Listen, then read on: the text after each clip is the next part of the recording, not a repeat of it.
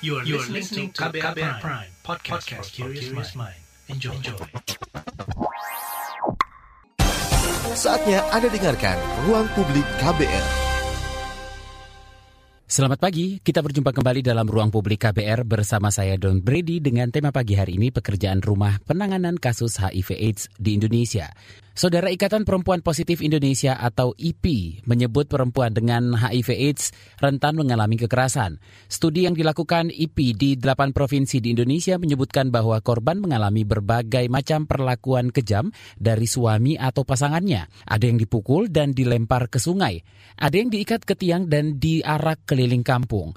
Dan yang paling kejam, ada yang dibunuh dengan empat ekor anjing.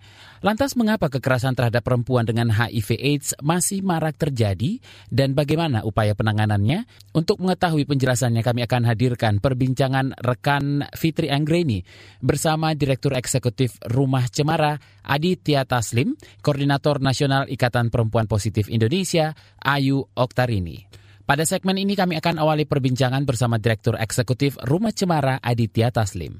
Kita selalu mendengar soal kampanye kepedulian terhadap orang dengan HIV AIDS setiap tahunnya. Tapi kita juga masih menjumpai adanya diskriminasi yang muncul di lapangan. Sebenarnya seperti hmm. apa Anda melihat upaya untuk mengatasi uh, berbagai stigma dan diskriminasi yang masih terus dihadapi orang dengan HIV AIDS, Mas? Saya kasih konteks dulu ya biar ntar nyambung ke arah stigma diskriminasinya. Jadi kan Indonesia ini salah satu yang ikut menandatangani perjanjian global di tahun 2016 ya lewat pertemuan tingkat tinggi PBB yaitu janjinya itu di tahun 2030 itu kita bisa mengakhiri epidemi HIV ini. Nah, salah satu capaiannya itu di tahun 2020 itu kita harus bisa mencapai 90 90 90 jadi itu slogan targetnya itu 90% orang dari estimasi orang dengan HIV sudah dites dan tahu statusnya. Lalu 90 kedua itu 90% dari estimasi juga uh, orang dengan HIV AIDS mendapatkan pengobatan dan masih berada di pengobatan dan yang 90 terakhir yang sudah minum obat itu 90 persennya jumlah virusnya tidak terdeteksi. Artinya kan kalau tidak terdeteksi itu sudah tidak bisa menularkan lagi. Nah target globalnya itu, itu. Dari target itu kita nggak ada masalah ya. Dengan ambisi untuk mengakhiri AIDS di tahun 2030 itu bagus. Ambisi, sebuah ambisi yang memang bisa dilihat terlalu ambisius. Tapi juga memang kita kalau membuat sebuah visi harus harus ambisius ya. Supaya itu juga ada upaya untuk mencapainya. Cuman yang jadi permasalahan itu sering kali diterjemahkan dalam kenyataannya itu jauh berbeda karena pencapaian target ini seolah-olah jadi uh, satu-satunya hal yang paling penting gitu dibandingkan yang lainnya. Jadi harus mencapai angka yang tadi 90 90 90 uh, permasalahannya Indonesia itu uh, kinerjanya buruk. Dari tahun 2016 semenjak itu ditandatangani kita kan gagal nih ceritanya tahun 2020 untuk pencapaian 90 90 90 karena kita hanya berada di uh, 64 persen 22 persen sama 4 persen. Jauh sekali kan bisa dibilang untuk pengobatan itu yang terburuk keempat sedunia. Dalam praktek di lapangannya jadinya itu dituangkan dalam program itu lebih banyak programnya itu sangat kental sekali uh, pendekatan biomedis saja. Dengan kita tahu kan permasalahan HIV ini uh, bukan hanya permasalahan medis, tapi banyak sekali permasalahan uh, lainnya di dalamnya. Ada masalah sosial, ada masalah ekonomi, ada masalah politik sekalipun, ada masalah budaya juga. Nah ini tidak terakomodir dalam pendekatan yang benar-benar hanya kental dengan pendekatan biomedis saja. Jadi yang benar-benar ditargetkan itu adalah cari, tes, obati, pertahankan gitu kan. Itu kan pendekatannya dari pemerintah itu. Mm-hmm. Sedangkan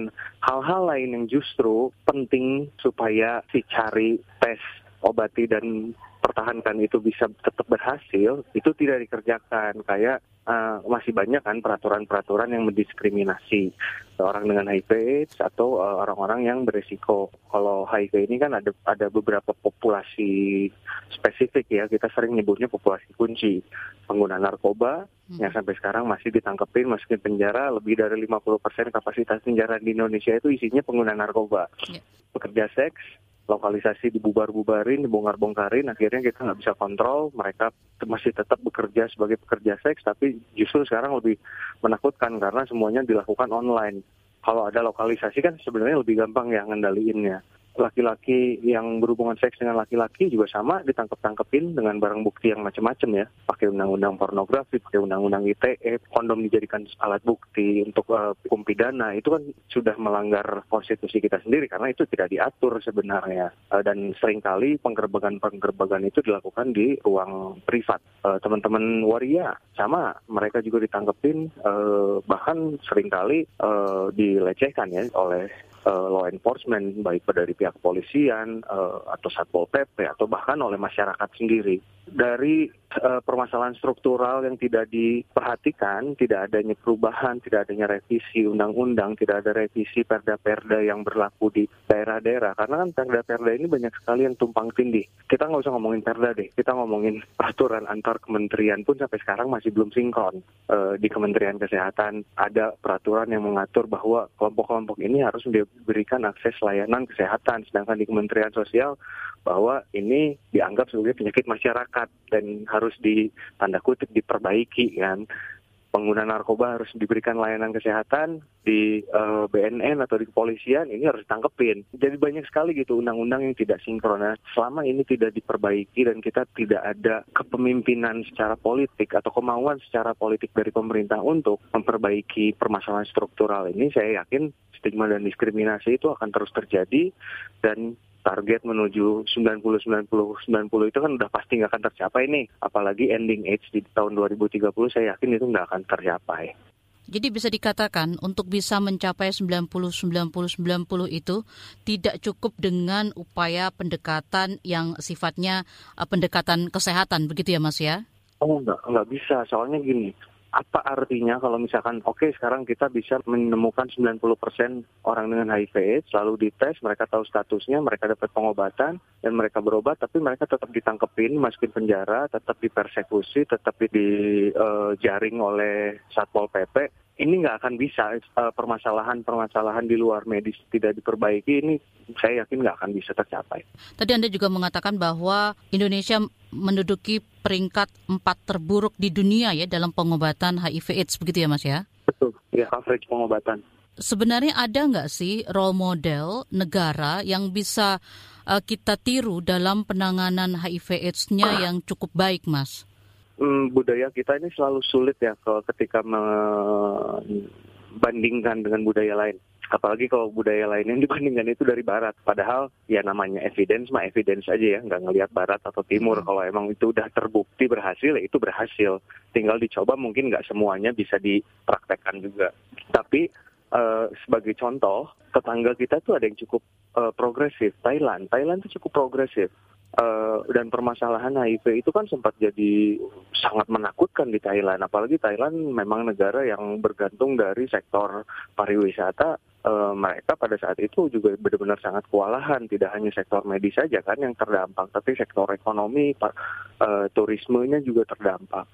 Yang membedakan itu adalah adanya leadership dari uh, pemerintah mandat datang langsung dari raja dan itu benar-benar diikuti oleh semua jajaran pemerintahnya.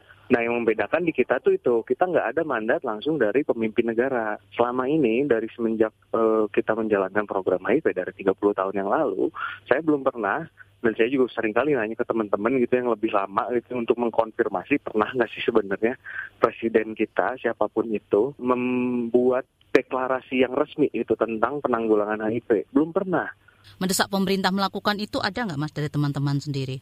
Cukup uh, sering ya, walaupun kita juga tahu mungkin yang kita lakukan itu dorongannya masih belum terlalu kencang ya. Tapi upaya-upaya ke arah sana tuh udah berkali-kali kita lakukan. Dan sekarang tuh memang momentum ya sebenarnya karena posisi Indonesia di tahun 2020 ini nggak akan mencapai targetnya.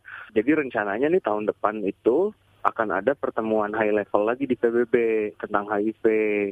Artinya kalau tahun depan bulan Juni ini itu pertemuan di New York ini jadi, uh, mereka akan ngeluarin deklarasi politik baru. Indonesia akan ikut tanda tangani lagi tuh janji barunya. Hmm. Uh, kita belum tahu isinya seperti apa, tapi menurut saya ini momentum bagus gitu untuk benar-benar sekarang kita lakukan dorongan sekenceng-kencengnya supaya pemimpin negara mau membuat sebuah deklarasi resmi nggak usah keluar ke dalam aja justru yang kita butuhkan itu di dalam untuk benar-benar bisa memberikan mandat kepada semua kementerian lintas sektor supaya punya satu arah gitu dalam penanggulangan ini. Sekarang kan simpang siur ya, Kementerian Kesehatan jalannya ke mana, polisi jalannya ke mana, jadi nggak ketemu gitu. Nah, bagaimana dengan kondisi pandemi ini, Mas? Pengaruhnya terhadap kehidupan teman-teman uh, Oda sendiri, Mas? Ini juga satu hal yang kami ini teman-teman komunitas ini kan tidak mendapatkan support dalam bentuk mekanisme yang terstruktur ya dalam hal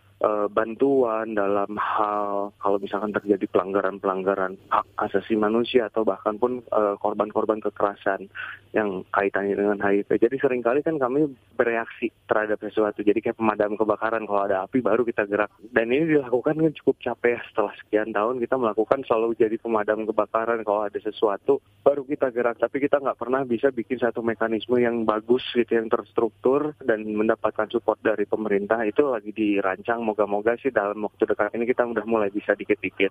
Cuman terkait pandemi ini juga karena banyak sekali teman-teman Oda ini uh, yang bergantung hidupnya pada sektor informal atau sektor-sektor yang tidak diakui kayak sektor uh, pekerja seks mereka kan nggak diakui ya udah pasti teman-teman transpuan ini kan banyak yang kalau mereka nggak ngamen mereka punya salon pengguna narkoba juga biasanya serabutan kerjanya, nggak ada yang punya pekerjaan tetap. Nah, jadi pada saat pandemi PSBB yang pertama itu yang benar-benar di lockdown semuanya, tutup-tutupin, ini langsung kerasa banget dampaknya. Sektor ekonomi lumpuh dan permasalahannya karena banyak sekali dari uh, komunitas kami yang tidak berasal dari sektor uh, formal, tidak ada social protection jadinya benar-benar penghasilannya itu jadi nol. Dan dari assessment yang kita lakukan di awal-awal pandemi itu bahkan untuk teman-teman mengeluarkan biaya ngambil obat setiap bulan, mereka kesulitan. Contoh di Bandung ya, kebanyakan kan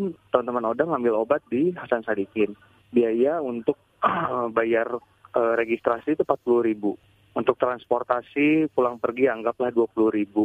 Untuk mengeluarkan uang 60 ribu itu mereka kesulitan. Yang ditakutkan adalah teman-teman banyak yang berhenti hanya karena nggak sanggup bayar uang 40 ribu plus transport pulang pergi. Itu yang benar-benar ditakutkan di awal tuh. Nah kalau minum obatnya nggak teratur nanti virusnya jumlahnya naik lagi.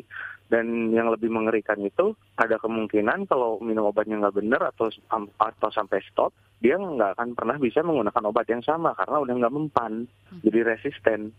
Di segmen berikutnya masih akan kita dengarkan penjelasan Direktur Eksekutif Rumah Cemara Aditya Taslim. Jangan ke mana-mana. Masih Anda dengarkan Ruang Publik KBR. Anda masih mendengarkan Ruang Publik KBR. Jurnalis KBR Fitri Agreni masih berbincang dengan Direktur Eksekutif Rumah Cemara Aditya Taslim dengan tema pekerjaan Rumah Penanganan Kasus HIV AIDS di Indonesia. Di awal tahun kita sempat juga berbincang ya Mas ya, soal ketersediaan ARV ya. Betul. Nah, kelangkaan obat, ketidaktersediaan obat itu terjadi sudah beberapa waktu sebelumnya. Nah, selama pandemi ini Mas, seperti apa ketersediaan nah. obat bagi teman-teman Mas? Ini pas banget, soalnya pas pandemi itu April, Mei, Juni stok e, nasional tuh lagi krisis lagi. Jadi karena kan memang Indonesia dari dulu uh, manajemen obatnya kurang bagus ya. Jadi bukan hanya permasalahan pandeminya saja, tapi karena memang manajemen di dalam negerinya pun kurang bagus, ada permasalahan dengan apa pengadaannya, proses pengadaannya bermasalah, proses e-katalognya bermasalah, proses tendernya bermasalah, proses penentuan harga bermasalah, distribusi pada saat uh, itu dilakukan ke daerah-daerah juga bermasalah, dari dinas ke layanan-layanan juga bermasalah. Ditambah lagi uh, pandemi, kan mayoritas di dunia ini produksi obat generik itu di India. Nah, Indianya juga lockdown. Lalu uh, obat itu kan dibikin harus menggunakan bahan baku. Bahan baku itu mayoritas dari Cina. Jadi ada proses yang benar-benar uh, cukup panjang ya. Walaupun seharusnya kalau dalam kondisi normal itu udah berjalan secara otomatis ya by default itu udah berjalan karena itu udah terbentuk sebuah sistem. Tapi karena Cina-nya lockdown, Indianya lockdown, pesawat semua grounded, jadinya semuanya harus lewat laut kan jadi makan waktu lebih panjang. Nah itu yang tidak terantisipasi ditambah lagi kapasitas pabrik obat di Cina dan di India juga hanya 50 persen sehingga pesanan-pesanan kan numpuk. Jadi pada saat pesanan kita masuk tuh kita udah antrian nomor kesekian uh, yang biasanya dikirim lewat uh, udara nggak bisa, jadinya harus lewat laut, makan waktu lebih panjang, semuanya harus transit di Singapura. Di Singapura juga ngantrinya panjang banget tuh kapal lautnya, baru nyampe Jakarta dan proses udah nyampe Jakarta itu kan makan waktu lagi tuh karena harus di listing lagi, harus dikasih stiker dulu itu manual pengerjaannya dan itu hanya dikerjakan oleh beberapa orang doang uh, untuk beribu-ribu botol. Jadi pandemi ini memperparah ya, memperparah kondisi.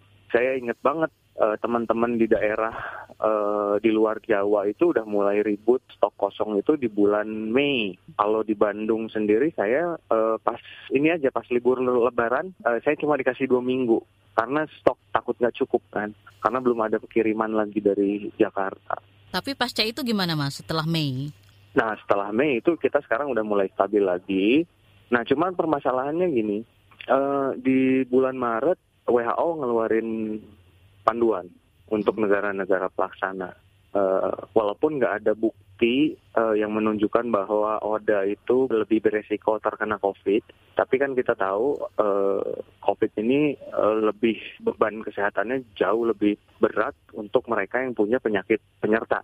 Nah, ODA ini kan banyak nih penyakit penyertanya. Nah, itu kan yang ditakutkan sehingga dianjurkan kepada pemerintah untuk menyediakan obat lebih dari satu bulan. Jadi anjuran dari WHO itu 3 sampai 6 bulan untuk oda-oda yang sudah stabil.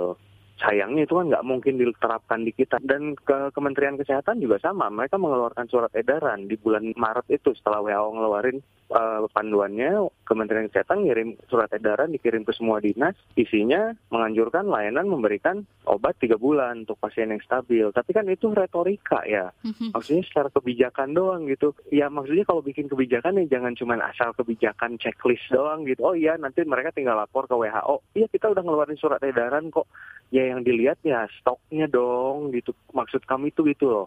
Kita juga nggak nuntut harus bisa tiga bulan sekarang. Enggak kok. Ya cuma yang bikin kebijakannya jangan yang bikin kesal gitu jadinya tuh.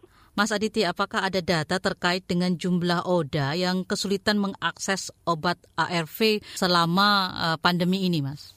Sebenarnya itu kan dilaporkan secara rutin ya oleh Kementerian Kesehatan per tiga bulan. Secara total itu uh, ada 64 ribu orang yang sekarang ini statusnya mereka sudah pernah berobat tapi sekarang hilang jadi sekarang ini kan yang tahu status itu ada 400 ribuan dari estimasi 640 ribu. Mereka sudah tes, sudah tahu hasilnya positif. Yang berada di pengobatan sampai sekarang masih berobat hanya uh, 22 persennya yaitu 130 ribu kalau salah.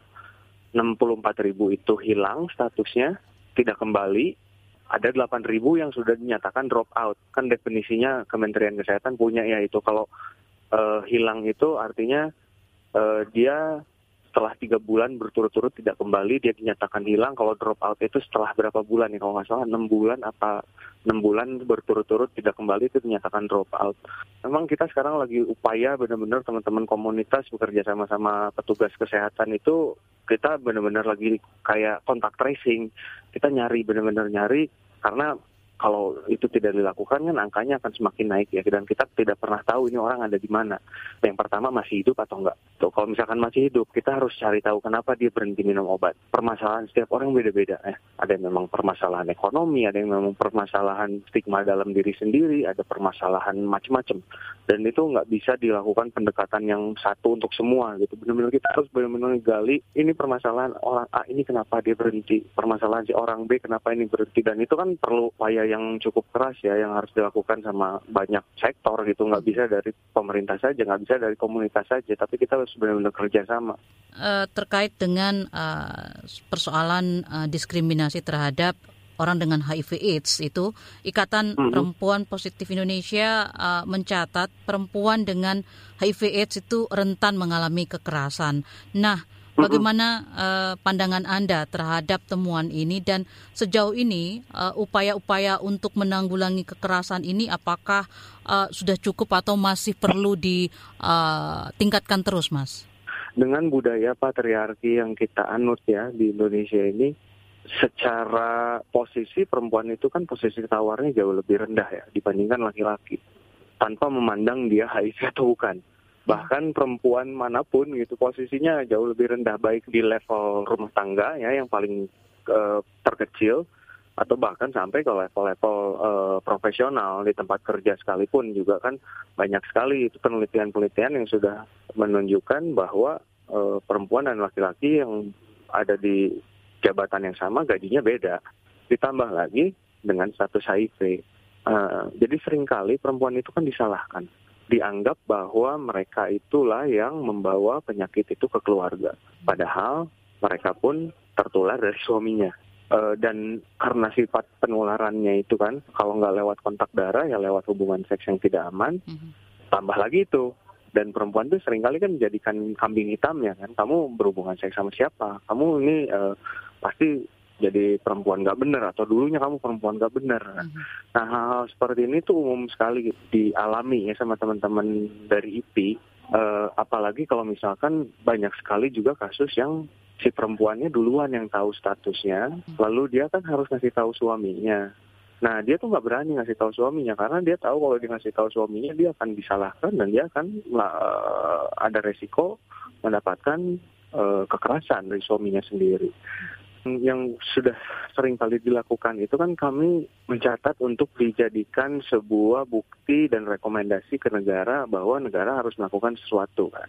E, makanya teman-teman dari IP juga kan cukup aktif, teman-teman IP, teman-teman dari e, Organisasi Perubahan Sosial Indonesia juga Jaringan Nasional Pekerja Seks ini cukup aktif terlibat dalam eh, diskusi-diskusi uh, dengan uh, kelompok perempuan lainnya terutama untuk mendorong RUU PKS ini supaya benar-benar bisa terrealisasi itu karena itulah uh, produk negara yang benar-benar bisa diciptakan untuk melindungi perempuan gitu. Dan itu sih yang selama ini lagi kami upayakan termasuk juga tidak hanya di kelompok perempuan saja tapi rumah cemara pun kelompok yang memang lebih diverse ya uh, populasinya tidak spesifik ke laki-laki perempuan atau ke, ke transpuan saja kami juga ikut mendorong ke arah sana.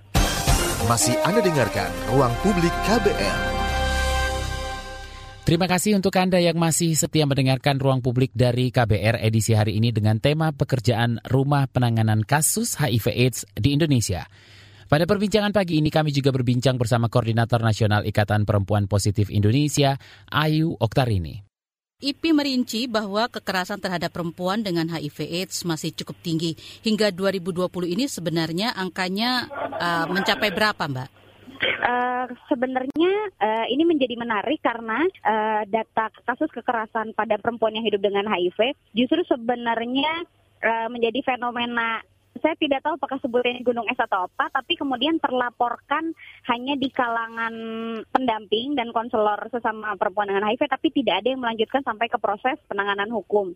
Sehingga kalau misalkan rata-rata dari uh, kita sebut saja lah dari perwakilan anggota Ikatan Perempuan Positif Indonesia gitu ya. Uh, dari tahun 2012 kami melakukan pendokumentasian dari 10 provinsi itu uh, kasus kekerasannya sangat meningkat.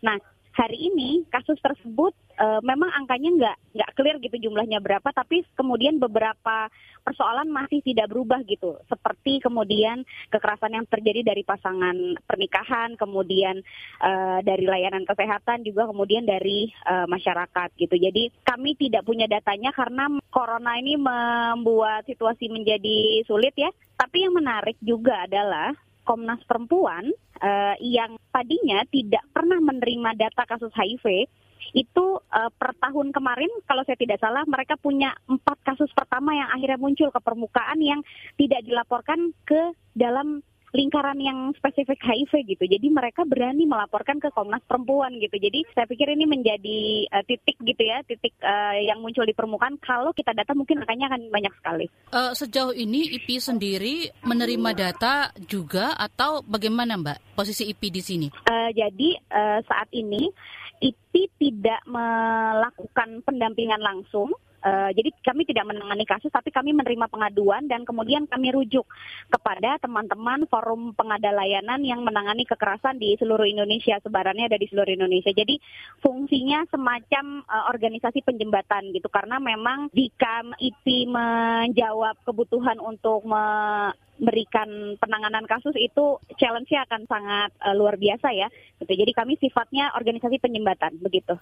Sejauh ini dari mungkin laporan-laporan yang diterima dan diteruskan kepada uh, pengada layanan, apa saja bentuk uh, kekerasan yang dialami oleh uh, perempuan Oda, Mbak? Iya, jadi perempuan saat dia belum terinfeksi HIV maksud saya, itu kerentanannya terhadap kekerasan sangat tinggi. Nah, setelah dia terinfeksi HIV, kerentanan ini semakin meningkat uh, dikarenakan ada beban ganda di dalam rumah tangganya seperti kemudian uh, banyak perempuan yang sampai hari ini uh, masih dianggap jadi kalau perempuan yang terinfeksi HIV dia akan uh, dianggap oleh keluarga dan masyarakat sekitar sebagai uh, perempuan nggak baik-baik. Sedangkan kebanyakan uh, data kasus di tahun 2020 dari Kementerian Kesehatan menyebutkan bahwa uh, angka tertinggi justru dari penularan dari pasangan heteroseksual gitu ya, ini dari laki-laki uh, kepada perempuan gitu ya. Jadi kalau laki-lakinya yang kemudian terinfeksi HIV, masyarakat akan melihat itu sebagai sebuah hal yang biasa gitu bahwa oh laki-laki nakal atau kemudian punya perilaku uh, apa namanya tidak baik gitu ya itu nggak masalah. Uh, jadi uh, apa namanya uh, kalau kemudian laki-lakinya yang mendapatkan uh, terinfeksi HIV begitu ya, orang akan melihat itu sebagai fenomena yang biasa-biasa saja. Tapi kalau perempuan itu menjadi aib dan momok yang luar biasa, sehingga stigma dan diskriminasi yang paling rentan terjadi di awal adalah pada kelompok perempuan dan beban itu akan semakin bertambah saat dia punya anak HIV, kemudian dia punya tantangan bahwa dia tetap harus melakukan kerja-kerja domestik di saat dia me, apa ngurusi beban-beban uh, HIV yang baru di, diterimanya tersebut. Selain itu, banyak juga situasi yang saat ini uh, terjadi karena pemerintah dan uh, beberapa teman-teman LSM sedang menggalakkan program notifikasi pasangan, di mana kemudian uh, seseorang yang terinfeksi HIV, pasangannya akan dinotif gitu untuk dicari tahu apakah kemudian dia HIV juga. Kalau situasinya laki-laki yang uh, kita dapat terlebih dahulu uh, kasus HIV-nya, dia akan lebih mudah jika kemudian kita approach pasangan perempuannya. Perempuan akan cenderung lebih memaafkan, menerima dan mau memeriksakan HIV.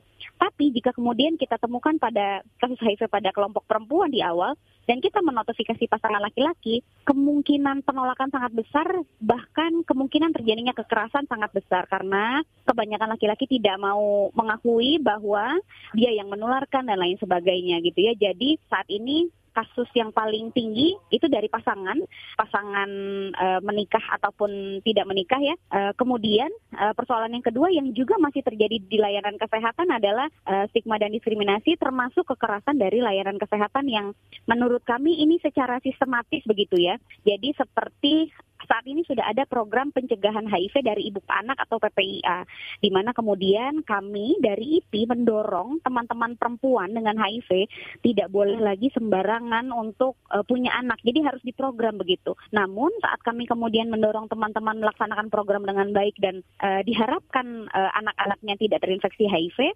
banyak layanan kesehatan di Indonesia yang belum siap dengan situasi tersebut sehingga sering kali melakukan penolakan saat perempuan mau program punya anak. Itu yang pertama. Kemudian ada juga tantangan-tantangan layanan kesehatan kembali menolak secara sistem saat kemudian perempuan yang dengan HIV yang sudah memenuhi kriteria eh, apa namanya persalinan normal juga kemudian ditolak dengan alasan ya mereka tidak bisa melayani persalinan normal padahal sudah ada guideline Kemenkesnya. Yang ketiga juga kemudian sampai hari ini eh, sepemahaman kami Ikatan Dokter Anak Indonesia juga belum mengizinkan ibu dengan HIV memberikan ASI kepada uh, bayinya meskipun dia sudah secara medis dianggap sehat dan tidak akan menularkan kepada bayinya. Jadi menurut IPI kekerasan secara sistematis ini kerap terjadi khususnya pada kelompok perempuan yang mau melaksanakan perencanaan kehamilan meskipun sudah terapi ARV dengan teratur, meskipun sudah menjalankan program dengan baik dan mengikuti sarannya dokter, tetap aja kita selalu mendapatkan penolakan. Saya nggak tahu ya karena apa ya, karena mungkin implementasi programnya tidak termonitoring dengan baik gitu ke apa guidelines ya Kementerian Kesehatan hanya menjadi guideline saja, aturannya hanya menjadi aturan tapi tidak diimplementasikan oleh tenaga layanan kesehatan di uh, rumah sakit yang tersebar di Indonesia. Apakah uh, kondisi ini makin berat ketika pandemi terjadi atau uh, apa yang Mbak sebutkan ini uh, itu semua terjadi pada saat pandemi, Mbak? Iya, jadi kalau kemudian yang saya sebutkan tadi sebenarnya sebelum masa pandemi itu sudah terjadi. Seperti yang saya sebutkan tadi, sejak tahun 2012 saat ini pertama kali melakukan pendokumentasian kasus kekerasan, sampai hari ini eh, kejadian itu terus berulang. Nah, tantangan terbesarnya adalah pada saat pandemi COVID-19 ada di Indonesia itu makin mempersulit situasi karena tentunya kami memiliki keterbatasan untuk datang ke layanan kesehatan. Kami sulit uh, mengakses pengobatan uh, antiretroviral karena memang beberapa rumah sakit rumah sakit rujukan uh, HIV untuk kami digunakan menjadi rujukan pusat uh, COVID. Kemudian tentunya teman-teman yang hidup dengan HIV menjadi lebih rentan juga tertular COVID karena memang kami rutin tiap bulan ke rumah sakit. Nah, yang kemarin saya juga dapat uh, laporan seperti itu ya pengaduan dari kawan-kawan tantangan-tantangan yang dialami oleh teman-teman perempuan yang memang sedang hamil dan apa merencanakan punya anak yang harus bolak-balik uh, datang konsul ke dokter obgyn itu juga masih menjadi masalah besar karena memang ya pertama kerentanannya sangat signifikan dan teman-teman yang biasa mendampingi di lapangan jadi kami punya uh, pendamping ibu hamil HIV namanya Emak Klub itu tidak diperkenankan untuk mendampingi secara sistem datang pelayanan kesehatan. Hanya beberapa titik yang dirasa aman gitu ya, seperti Bali angkanya cukup rendah, uh, COVID-nya itu petugasnya boleh mendampingi uh, teman-teman HIV yang hamil yang mau mengakses layanan kesehatan gitu.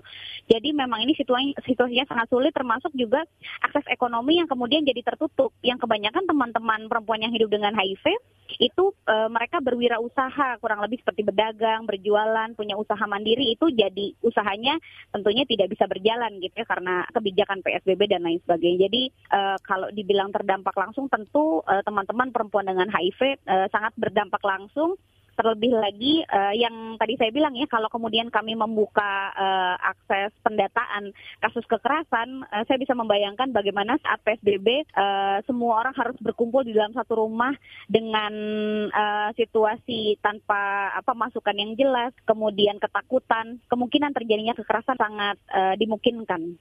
Nah, sejauh ini uh, apa upaya yang sudah dilakukan teman-teman IP untuk uh, mengatasi persoalan yang tadi disebutkan terkait stigma, diskriminasi dan juga kurang maksimalnya layanan itu uh, terutama sejak mulai melakukan pendataan di 2012. Mulai dari tahun kemarin, Ikatan Perempuan Positif Indonesia sedang melaksanakan seperti program integrasi uh, antara layanan kesehatan dan layanan uh, penanganan kekerasan pada perempuan. Jadi kami datang ke delapan provinsi, di mana kemudian kami memberikan sosialisasi, kami undang dari dua belah uh, isu tadi, dari isu penanganan HIV dan isu penanganan kekerasan, dari mulai LSM yang ada di grassroots yang bekerja untuk isu perempuan dan isu HIV sampai kemudian stakeholder dan kedinasan gitu ya. Jadi dinas pemberdayaan perempuan, dinas sosial, dinas kesehatan kami undang termasuk UPPA Polres untuk kemudian lebih aware sama kedua isu ini dan melihat bahwa ada keterkaitan bahwa kami ini masih satu circle begitu. Eh, melalui dat, uh, dukungan dari UN Women kami sekarang sedang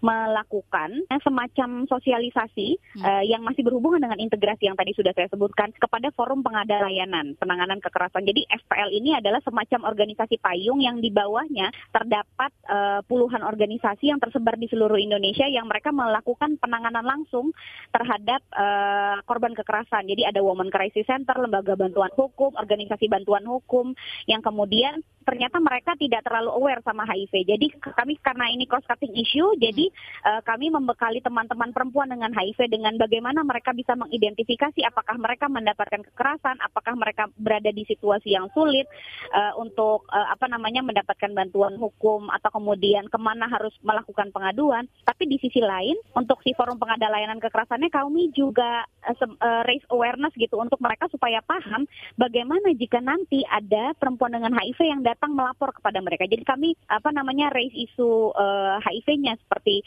uh, bagaimana pencegahan penularan HIV, bagaimana penanganan uh, orang dengan HIV, bagaimana perempuan dengan HIV tentunya mengalami kerentanan uh, mendapatkan kekerasan juga termasuk perempuan yang jika mendapatkan kekerasan seksual atau kemudian pelecehan seksual akan beresiko mendapatkan HIV. Jadi sekarang ini kami sedang uh, sangat uh, gencar begitu ya, kurang lebih uh, untuk berjejaring dan mensosialisasikan isu HIV pada kelompok-kelompok yang menangani kekerasan karena ini kan isunya lebih luas kepada perempuan uh, yang pada umumnya gitu. Commercial break. Commercial break. Ita Biliana, psikolog dari Lembaga Psikologi Terapan UI, memberi pesan kepada teman-teman Broken Home untuk meraih masa depan yang terbaik. Terlepas bagaimana kondisi rumahmu, bukan kondisi orang tuamu, itu ya kamu adalah individu sendiri yang punya hak dan punya kemampuan untuk menentukan nanti ke depannya mau gimana gitu. Jadi apa yang terjadi di belakang kamu tuh it doesn't define who you are atau yes. who will you be gitu aja, who you will be. Simak obrolan selengkapnya dalam podcast Disco Diskusi Psikologi dalam episode Masa Depan Anak Broken Home di kbrprime.id dan platform mendengar podcast lainnya. Masih Anda dengarkan Ruang Publik KBR. Kita tiba di bagian akhir ruang publik KBR edisi hari ini. Pada pagi hari ini kami masih dihadirkan perbincangan jurnalis Fitri Anggreni bersama Koordinator Nasional Ikatan Perempuan Positif Indonesia Ayu Oktarini mengenai pekerjaan rumah penanganan kasus HIV AIDS di Indonesia. Bagi yang di Jakarta bisa mendengarkan di 104,2 MS FM. Uh, sejauh ini seperti apa respon dari teman-teman layanan untuk uh, perempuan-perempuan korban kekerasan ini terhadap isu yang berkaitan dengan HIV/AIDS sendiri, Mbak? Jadi kalau respon dari teman-teman forum pengada layanan penanganan kekerasan ini, mereka responnya sangat positif. Uh, kemarin ini uh, kami melalui uh, Zoom begitu ya, melalui pelatihan-pelatihan virtual yang coba kami berikan selama beberapa kali, antusiasnya sangat tinggi karena kemudian uh, mereka me juga kemudian menyadari bahwa isu perempuan yang hidup dengan HIV itu juga sangat penting dan tidak jauh gitu ya circle-nya gitu bahwa ternyata ada persoalan yang selama ini tidak pernah terjangkau yang selama ini uh, mereka pikir hanya eksklusif ada pada kelompok uh, perempuan dengan HIV itu sendiri saja gitu. Padahal sebenarnya memang akhirnya beririsan langsung dan komitmennya adalah mereka sekarang sedang membuat panduan gitu ya untuk uh, apa penanganan kekerasan khusus pada perempuan HIV gitu. Jadi memang akhirnya kami sama-sama berkomitmen untuk membuat uh, semacam guideline kemudian alur yang lebih jelas yang jika kemudian nanti di 2021 bisa kami implementasikan itu sudah clear gitu alurnya bagaimana kalau kemudian teman-teman forum pengada layanan kekerasan ini uh, menemukan kasus-kasus HIV seperti itu. Uh, sejauh ini sudah ada provinsi yang sudah maju dengan pendampingan perempuan uh, korban kekerasan, terutama dari uh, perempuan dengan HIV sendiri, Mbak. Kalau uh, kami harus sebut provinsi, sebenarnya DKI Jakarta sudah yang paling siap dan sudah paling aware dengan situasi penanganan kekerasan yang terintegrasi antara perempuan dengan HIV dan uh, apa namanya kekerasannya tersebut. Uh, kemudian ada kota lain seperti Bandung, kemudian juga Banten, Tangerang maksud saya. Terus kemudian uh, beberapa kota lain yang juga sudah sangat siap seperti uh, Denpasar, Bali. Terus kemudian uh, DI Yogyakarta Jakarta, Semarang, sama satu lagi Mataram gitu. Jadi uh, ini sudah sama-sama kuat dan mungkin memang tantangannya adalah nanti uh, karena harus implementasi uh, integrasi itu kalau dinas kan harus dari pusat ya. Hmm. Jadi kami sepertinya memang harus juga audiensi dengan kementerian karena mereka kan tidak bisa menjalankan sebuah sistem baru kalau kemudian uh, kementerian tidak memberikan uh, amanah gitu ya. Jadi memang uh, sifatnya pelaksana-pelaksana daerah membuat MOU sementara untuk supaya bisa berjejaring karena tetap kita tidak bisa meninggalkan unsur pemerintah gitu karena kami sangat membutuhkan uh, apa ya komitmen mereka gitu supaya kemudian proses ini berjalan dengan uh, baik gitu ya penanganan kasus kekerasan karena tentunya di dalamnya nanti ada P2 TP2A atau kemudian di beberapa wilayah nomenklaturnya berbeda gitu namanya kemudian juga UPPA Polres sebagai pihak yang juga ya secara hukum harus uh, secara tegas memberikan penindakan gitu. Sebenarnya untuk kasus-kasus kekerasan terhadap perempuan dengan HIV ini, apakah ada daerah yang menonjol, Mbak? Daerah yang menonjol dalam konteks penanganan begitu ya? Uh, dalam uh, munculnya kasus, Mbak. Oh, munculnya kasus. Sorry, kalau munculnya kasus sebenarnya uh, kota yang tadi saya sebutkan itu mungkin karena kita datangi ya gitu sehingga uh, kita bisa melihat bahwa ada kasus yang muncul dan terlihat gitu. Tapi saya percaya bahwa kalau kita bisa datang dan ke tempat-tempat lain selain uh, delapan kota yang saya sebutkan tadi, pasti kasusnya akan meningkat gitu ya. Uh, seperti di Kota Semarang saja, saya banyak mendapatkan kabar bahwa ternyata uh, banyak perempuan dengan HIV di kota-kota seperti Jepara, banyak sekali kasus kekerasannya termasuk kemudian fenomena di Bali di Denpasar itu kasus kekerasannya justru terjadi pada anak-anak yang hidup dengan HIV gitu ya e, tidak hanya pada e, orang tuanya ya pada perempuannya gitu jadi Jawa Tengah dan e, Bali ini e, dari semua kota yang uh, sekarang sedang kami datangi untuk kemudian mengintegrasikan yang paling menonjol sepertinya. Kita tahu juga bahwa secara umum kasus kekerasan uh, terhadap perempuan itu untuk untuk mendapatkan uh, peradilan yang adil itu uh, sangat sulit begitu ya Mbak ya apalagi tadi disebutkan untuk korban uh, perempuan uh, dengan HIV. Iya betul karena masih banyak sekali tantangan seperti kebanyakan perempuan tidak akan meneruskan pengaduannya untuk memproses peradilan itu karena kemudian mereka akan berpikir ulang saat kemudian saya melaporkan pasangan saya pasangannya adalah tulang punggung keluarga sehingga uh, mereka memutuskan untuk berdamai dan kemudian uh, tidak me menyelesaikan kasusnya sampai ke ranah hukum seperti itu. Apalagi persoalan-persoalan yang dihadapi teman-teman Mbak di lapangan dalam kehidupan sehari-hari. Iya, kalau persoalan-persoalan yang dihadapi oleh perempuan yang hidup dengan HIV saat ini, uh, beberapa tadi saya sudah sebutkan. Pertama, beban ganda pada perempuan yang hidup di Indonesia itu menurut saya sangat memprihatinkan ya, karena Indonesia saat ini masih memelihara budaya patriarki, di mana kemudian secara hierarki gender perempuan harus selalu berada di bawah. Dalam hal ini bukan kemudian berdampingan dengan pasangannya, tapi memang top down gitu ya, perempuannya ada di bawah dan kemudian perempuan harus nurut uh, dan patuh, di mana uh, dia tidak punya punya posisi tawar untuk bernegosiasi. Ada banyak kasus-kasus perempuan yang uh, pasangannya denial, pasangannya HIV, tapi pasangannya denial sehingga pasangan tidak mau berobat, istri kemudian dibawa-bawa. Kalau saya tidak berobat, pasangan juga tidak boleh berobat gitu. Jadi itu juga terjadi. Kemudian persoalan lain saat kemudian mereka memiliki anak-anak yang hidup dengan HIV.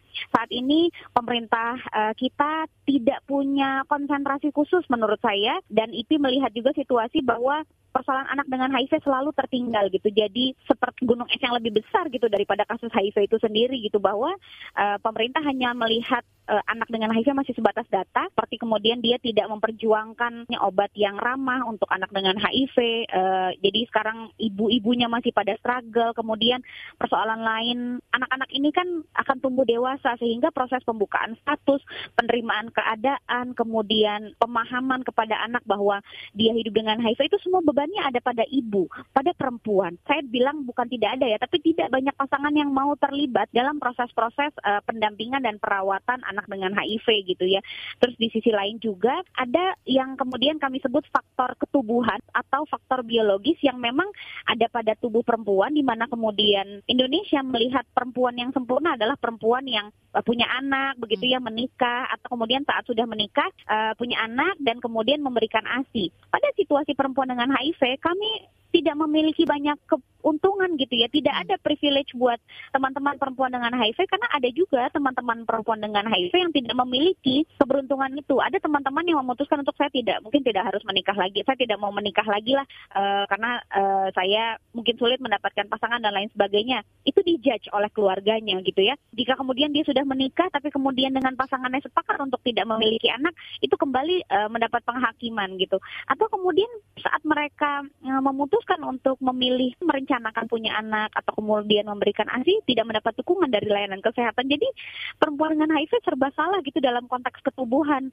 Iya Mbak Ayu tadi Mbak Ayu sudah membeberkan beberapa persoalan yang dihadapi uh, terutama perempuan dengan HIV dan setiap tahun setiap bulan Desember kita memperingati Hari HIV AIDS begitu ya Mbak ya. Bagaimana peringatan ini tidak hanya tinggal peringatan tetapi bisa menjadi momentum untuk mengingatkan kembali bahwa masih banyak loh persoalan yang dihadapi tapi kok kayaknya uh, upaya perbaikan itu masih kurang saya sudah 11 tahun ya Mbak uh, hidup dengan HIV. Selama saya 11 tahun hidup dengan HIV dan selama IPI berdiri selama 14 tahun, kami melihat bahwa ternyata memang 1 Desember uh, dalam kacamata pemerintah gitu ya.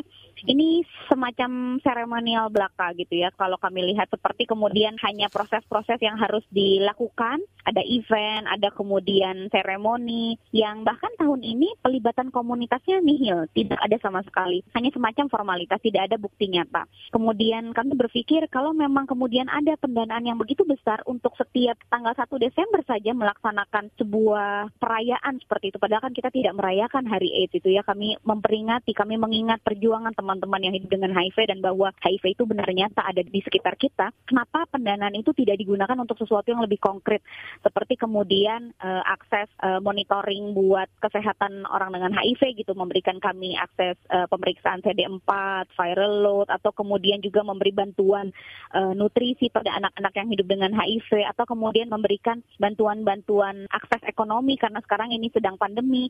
Kalau memang pendanaan tersebut ada, menurut kami harusnya lebih konkret dirasakan oleh uh, beneficiaries atau kemudian si orang dengan HIV itu sendiri, perempuan dengan HIV. Tapi uh, sampai hari ini ya saya melihatnya uh, pemerintah hanya uh, apa namanya uh, komitmennya tidak 1 Desember hanya untuk seremonial saja gitu. Jadi uh, kalau IP sendiri kami tidak melakukan hal-hal yang terlalu muluk-muluk. Saat ini kami uh, sedang sibuk membangun sebuah uh, apa namanya akses informasi kepada lebih banyak perempuan dengan HIV yang kami pikir ini lebih konkret. Kami secara uh, rutin melakukan sosialisasi melalui sosial media begitu Instagram. Kami ngobrol santai dengan para champion-champion di daerah untuk bercerita soal realitas di lapangan dan menggambarkan bahwa hari AIDS itu memang cuma tanggal 1 Desember, tapi kami itu tiap hari minum obat dan merasakan struggle-nya hidup dengan HIV. Jadi kenapa kita tidak bicarakan HIV setiap setiap hari. Kenapa cuma satu Desember saja gitu? Jadi kami berusaha untuk merubah paradigma itu bahwa bentuk-bentuk sosialisasi itu tidak harus dengan pendanaan yang besar, sederhana tapi meaningful dan kemudian bisa kena gitu ke teman-teman uh, di daerah seperti itu, Mbak. Demikian ruang publik KBR edisi kali ini dengan tema pekerjaan rumah penanganan kasus HIV AIDS di Indonesia. Dan bagi Anda yang tidak sempat mendengarkan siaran ini secara utuh, bisa mendengarkannya kembali di podcast kbrprime.id, lalu pilih ruang publik. Terima kasih untuk kebersamaan Anda pagi ini. Saya Don Brady, undur diri. Salam. Baru saja Anda dengarkan Ruang Publik KBR. KBR Prime, cara asik mendengar berita. KBR Prime, podcast for curious mind.